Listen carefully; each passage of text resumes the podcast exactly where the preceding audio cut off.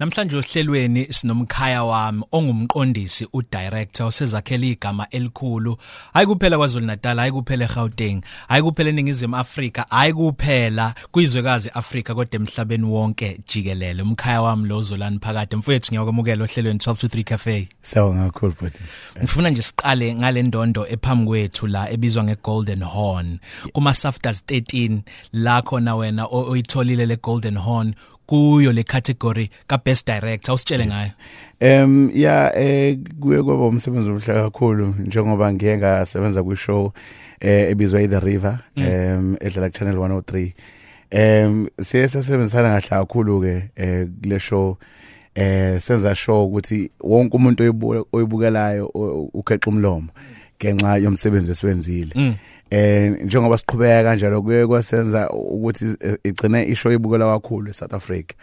eh and then um ngibonga kakhulu i-team ebengisebenzisana nayo because bangasimina ngedwa Yeah. eh bengino director abanye eh abathathu ebengisebenzisana nabo eh futhi sibonga kakhulu abaphathi bethu eh eh, uphathu noGwedian abase kuyi Chatter Pictures igama lenkampani Yeah. abasivumelile ngayo yonke indlela ukuthi senze umsebenzi ngendlela sifisa ukwenza ngawo ngoba ikhathe eziningi sayezivaleleke eh, ukuze umsebenzi em ngenxa yezimo ezithize so kule kule izimo ezithile yeah izimo ake sikhulume Ah, ngalezo zimo iziphi izimo thina ngoba nina nisuke ni, ni crew lapha ngemuva iziphi lezo zimo eziyincindezelo ezenza ukuthi uzolani onakho konke adinga ukuthi akwenze no- nobe kungambeke eqophelweni eliphezulu mhlasimpe ayiwine eminyakeni emthathe yedlule lendondo kodwa kumthathe isikhashanyana ngenxa yazo lezi inselele eziphi mhlawumbe eziba khona Em Um, ezinye zazo eh ngenxa ukuthi eh i- i- itelevision yase South Africa eh ayikakhulu ngendlela efanelekile and also eh abantu abayiphethe abantu abangenendaba kakhulu eh bebala nge hand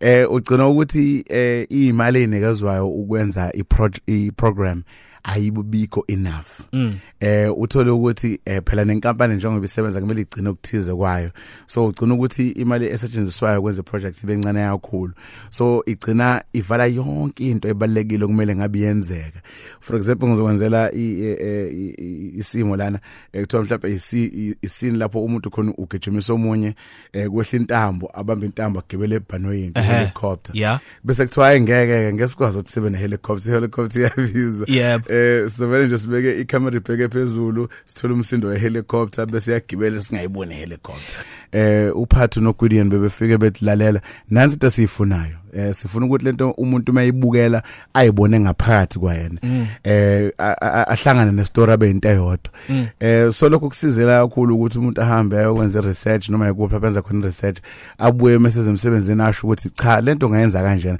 bese kuthiwa number 1 number 1 ikuphi lazo lana obonile ukuthi hayibo kungathi umuntu uyakhula khona la siya khona mhlambe kokunye ngenxa yok- yok- yokusebenza uyaye ungavuleleki ukuthi hayibo umuntu usekhulile igama lakhe namagalelo asela ngokubukwa abanye abantu kodwa ikuphi la ovele wabona wathi hayibo mina zolani Seng- sengithe ukuthi kancane yeah uyabona uma usebenza njenge assistant director eh u- usebenza kakhulu no director indlela ashutha ngayo isini yeah so o director bengisebenza naye khona bengisebenza naye kakhulu bambiza uJohnny Babazano who is actually my senior eh la ku ku ku- ku the river ngiyabona um uma eshuthi sin benginokuphikisana naye ngathi lalela uzochitha isikhathi ngendlela eshuthe ngayo sin Yeah. asishuthe kanje kanje kanje kanje eh sithe siqeda eRockville eh eh, ngosuku lokugcina wathi uJohnny eh angifuni ngiphinde ngikubone usebenza njenge assistant director Hmm. usu ready kuba u director ngathi mina akekho umuntu ozonginikeza ichance A- akujwayelekile ukuthi ngiyithole ichance especially uma ukuthi umsebenzi engiwenzayo ngiwenza kahle abantu bafuna uhlale khona lapho Yeah. ngoba bayashoda abantu abawu assistant director eh ngithe ngisazama ukuyitholela ithuba lokudirector ngafonela yena futhi u- uJohn lo wakabhabhazana wangibiza ukuthi ngizosebenza naye eh kwisho ebibizwa i i Gold Diggers ibidlala ku SA ku ETV eh ukuthi ngizodirector eh ngifike khona njengo junior director Yeah. hayi cha hayi ngayibamba ngayibamba impela wayibamba kwazwakala ngayibamba yaqina yena asingeneke mfethu emsebenzini lo kuba udirector Yeah. uthe yona le iGold Diggers ibe umsebenzi wakho oqala ukuthi usebenze njenge director eh? yebo awusitshele ikuphi okulindeleke kwi director kwimqondisi kwi set kungaba kwi television noma kwi film eh into ebalekile ku director ukuthi mabekunikeza iscript njengoba kubhalwa amagama ephepheni eh wena uwanikeza impilo lawo magama um ama characters u- wenze iz- i- izinto ezikholelekayo umuntu mayebuka istory eh azibone yena mhlawumbe kuthiwa uyazi ubani bani ufana lo dlala lapha ku TV wenza nse njengobani bani wasendaweni ethize Oh. nazi into ebalekile istory kumele kube i- isifane njengogogo kudala bese- mabe mabesixoxela istory eh ubuya uyibone sibe- Inganekwane. inganekwane hen beyiba nempilo so Yeah. kubalekile ukuthi eh if ubukela iTV uhlele endlini kwakho uyikholelwe into Mm. oyibukelayo and ingabukeke ngazo ukuthi sketch eh, into edlala mhlawumbe esikoleni ingane esafunda kube ngazo ukuthi impilo yangempela uma uyibukela Ungathi nawe uphile emhlabeni wakho la izinto ohlezi uyibheka khona uphuphe emini njengo director. yebo ngathi mhlawumbe abantu abangaziyo bayabe ng- bayazi ukuthi a- angihlali phansi ngazi ukuthi ukuhlanya and and la engihlala khona i'm sure makhelwane bami bayabasho ukuthi ewu nkosi yami ayiphili kahle le Lengane. eh ngoba ngiye ngiyibone sengimngaphandle eh mhlawumbe mangiqeda ukufunda i- i-script Yeah. eh sengivisualize ngoba kumele ufunde kuqala bese uyayibona engqondweni eh mase ngiphuma ngaphandle ngigcina sengikhuluma ngedwa ukohlanya Usho lezi zinto thina sigcina siyibona kumabona kude ezinye zazo ziqale zenziwa wena. yebo ngane yami eh, ngizokwenzela nje eh, i-example khona isho engasemza kuyena kubizwa i-greed and desire Mm. eh bese noma makatselane lapha kuleya show Shu kuyactwa lapha. Yo kuyactwa kuya. Yo yo yo. yeah usisilinda sebenzo kwamele siyikhande le leya part Mm. yakhe kwamele sisebenze kanzima Eh, ngihambe ngendlini eh ngibuye futhi ngihambe ngoshawa umoya ku endaweni ezithize bese ngiyayibona ngithi nansi le Nine character Cha, ehe kumele idlale kanje mase ngibuyele emsebenzini ngithi lalela sisi asidlale Hayi cha uma ukuthi wasebenza lapha ngiyancoma kakhulu mfethu ku-actiwe Ngane lapha. yakho yes. Ku-actiwe impela. Kuyisethi ke manje. Usuyicabangile yonke lento wayidluliselela kwabanye osebenza nabo njengomqondisi njengo director yini ke oyenzayo? so uma ufika esethini eh, kubalekile ukuthi abantu bazi eh eh, yonke into ofuna ukuyenza ngendlela ofuna ukuyenza ngayo kusukela ekuqaleni kuze kus- kube sekugcineni ngoba wena kumele uyibone into ezokwenzeka uma usuye uko editor eh, lento oyishuthile so kumele uyichaze ngamehlo owabona ngayo namehlo a- abukele noma ubani obukela iTV mm.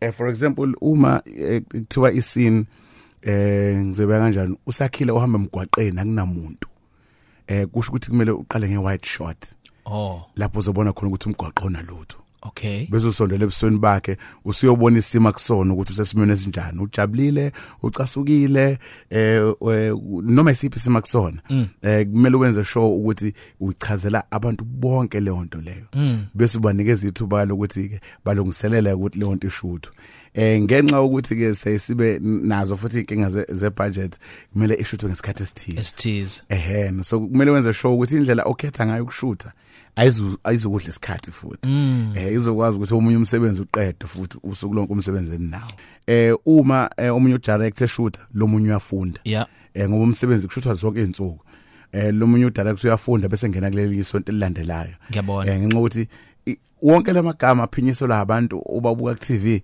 kumele siwafunde wonke kubalekile ukuthi uyimesele ngazo sonke isikhathi eningizimu Afrika njengamanje akhona yena amathuba athi angayakhi ifilimu yakhe angayakhi production yakhe ezobukwa njalo ngehora lesishiyagalombili ku TV akhona yini lawo mathuba eh akhona kakhulu lawo mathuba em u SABC eh une unehlelo eh, o- owalisanda kudlula manje lapho bebahamba khona zonke izifundazwe becela abantu ukuthi abazobika izitori zabo abafisa ukuzenza Eh, njengamanje bayahlunga ukuthi iziphi izitori abayithandile Yeah. okwesibili eh eminyakeni edlule bebejwayele ukukhipha incwadi eh eh, eh enento ibizwa ama briefs eh si- manje si- si- sithe ukwehla ke eh sekunohlelo olubizwa unsolicited ideas Yebo. lapho kwazi khona ukuthi sanibonani em bengize ne idea yami ngathola ukuthi ngikwazi ukuyi- ukuyibeka ungakwazi ukuthi uye khona em ema officeini akwa SABC noma ungakwazi ukuthi uthumele i-email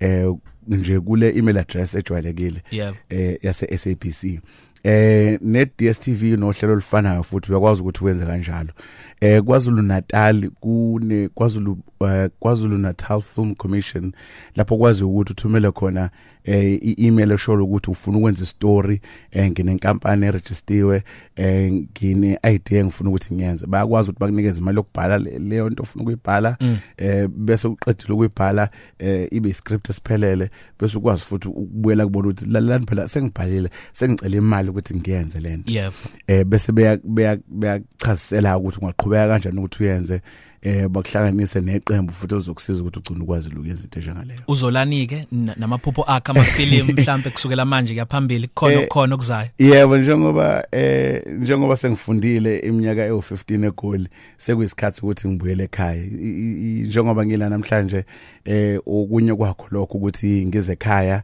eh ngizobonisa abantu eh, ukuthi Golden Horn i- iyakwazi ukuthi itholakale uma ukuthi usebenza kanzima yebo Em futhi eh, ngizoqala ukubhala amaduze ifilm yami ezoshuthwa ngonyaka ozayo. Eh ezoshuthela phakathi komlazi. wow Eh, siyabongela mfethu ezoshuthwa phakathi komlazi nomhlanga em ne ne what- ne- netheku nomaphethelo. Eh kunesinye futhi isitori esilandelayo esoshuthwa phakathi kwesikhawu netheku. Eh eh, nginama synopses adlula lawo 8 Yo. engimisele ngawo ukuthi ngikwenze la kwaZulu Natal. asivale mfethu asikhulume manje ngokulalele Yebo. imapha masu angazi ngizothi mangaki mahlanu noma u10 alo othi ngifuna ukuhamba einyathelweni zazolani nami ngime lapha phambili ngithola indondo yokuba umqondiso ovelele kwezika television noma ezamafilimu iziphi izinto nje ezimbalwa ngamupha zona umhlomisi Yeah, okokuqala bengicela abantu mabeba nethuba lokungena ku Google babuke imisebenzi ehlahlukene khona emafilimini. Ngoba kusikhona ukuba phambi kwe dir- I mean ukuba phambi kwe camera kuphela nokuba u director nokuba u producer umsebenzi khona. Kulama department amaningi ahlahlukene asemafilimini akwazi ukunikeza abantu umsebenzi. So kumele abantu be- eh, ungabuka nje ku Google imisebenzi ekhona emafilimini eh bese kuya ngawe ukuthi kuphi okuthandayo.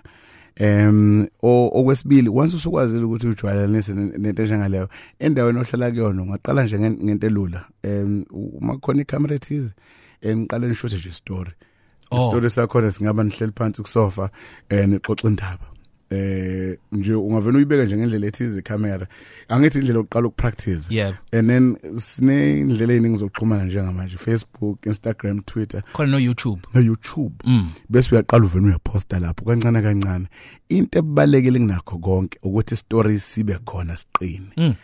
um once waqala wethumela leyo nto leyo abantu bayaqala bawubuka umsebenzi wakho then emva kwalokho usuyakwazi ukuthi usungaya endaweni ezihlukahlukene zokufuna eh, usizo ozokuyisa phambili Mm. um also ama institutions a- akhona ahlukahlukene la e e- South Africa akwazi ukufundisa mayelana nokwenza amafilimu mfethu sibonga kakhulu umyalezo wakho kwiningizimu Afrika lesibona lo Zolani lo osobamba iGolden Horn ukuthi ikupho ngafisa ukuthi ubagqugquzele ngakho Eh into engifisa nje ukuthi ngitshele abantu base South Africa ukuthi ifilm industry ibusiness as well. Mm. Eh ingabukwa njengento nje yokuyijabulisa kuphela. Em labo abangakangeni kwifilm industry le esazama ukuyikhulisa eh bangaphela umoya because eh ayikajwayeleki kahle hle. Yebo. Kwaziwa ukuthi into yasegoli la eThekwini imayisa qala kancane kwezinye indawo ayikho. So bangaphela umoya ngenxa ukuthi uma ukuthi siyayiqala lento la kwaZulu Natal izoqala inwebeke yebo ukhona kuma socials ungafisa ukushiya mhlambe okuthile kokuxhumana nawe ngiyazi ukuthi in busy futhi abantu bahlezi beza kakhulu kunina kodwa ikhona inkundla mhlambe ongathola la kuyona ya kwi ku Twitter uzolani phakade eh eh, igama elihlangene zolani phakade eh ku Instagram izolani phakade 111 eh ku Facebook uzolani phakade 12 to 3 nosiyano selbionze kukhozi fm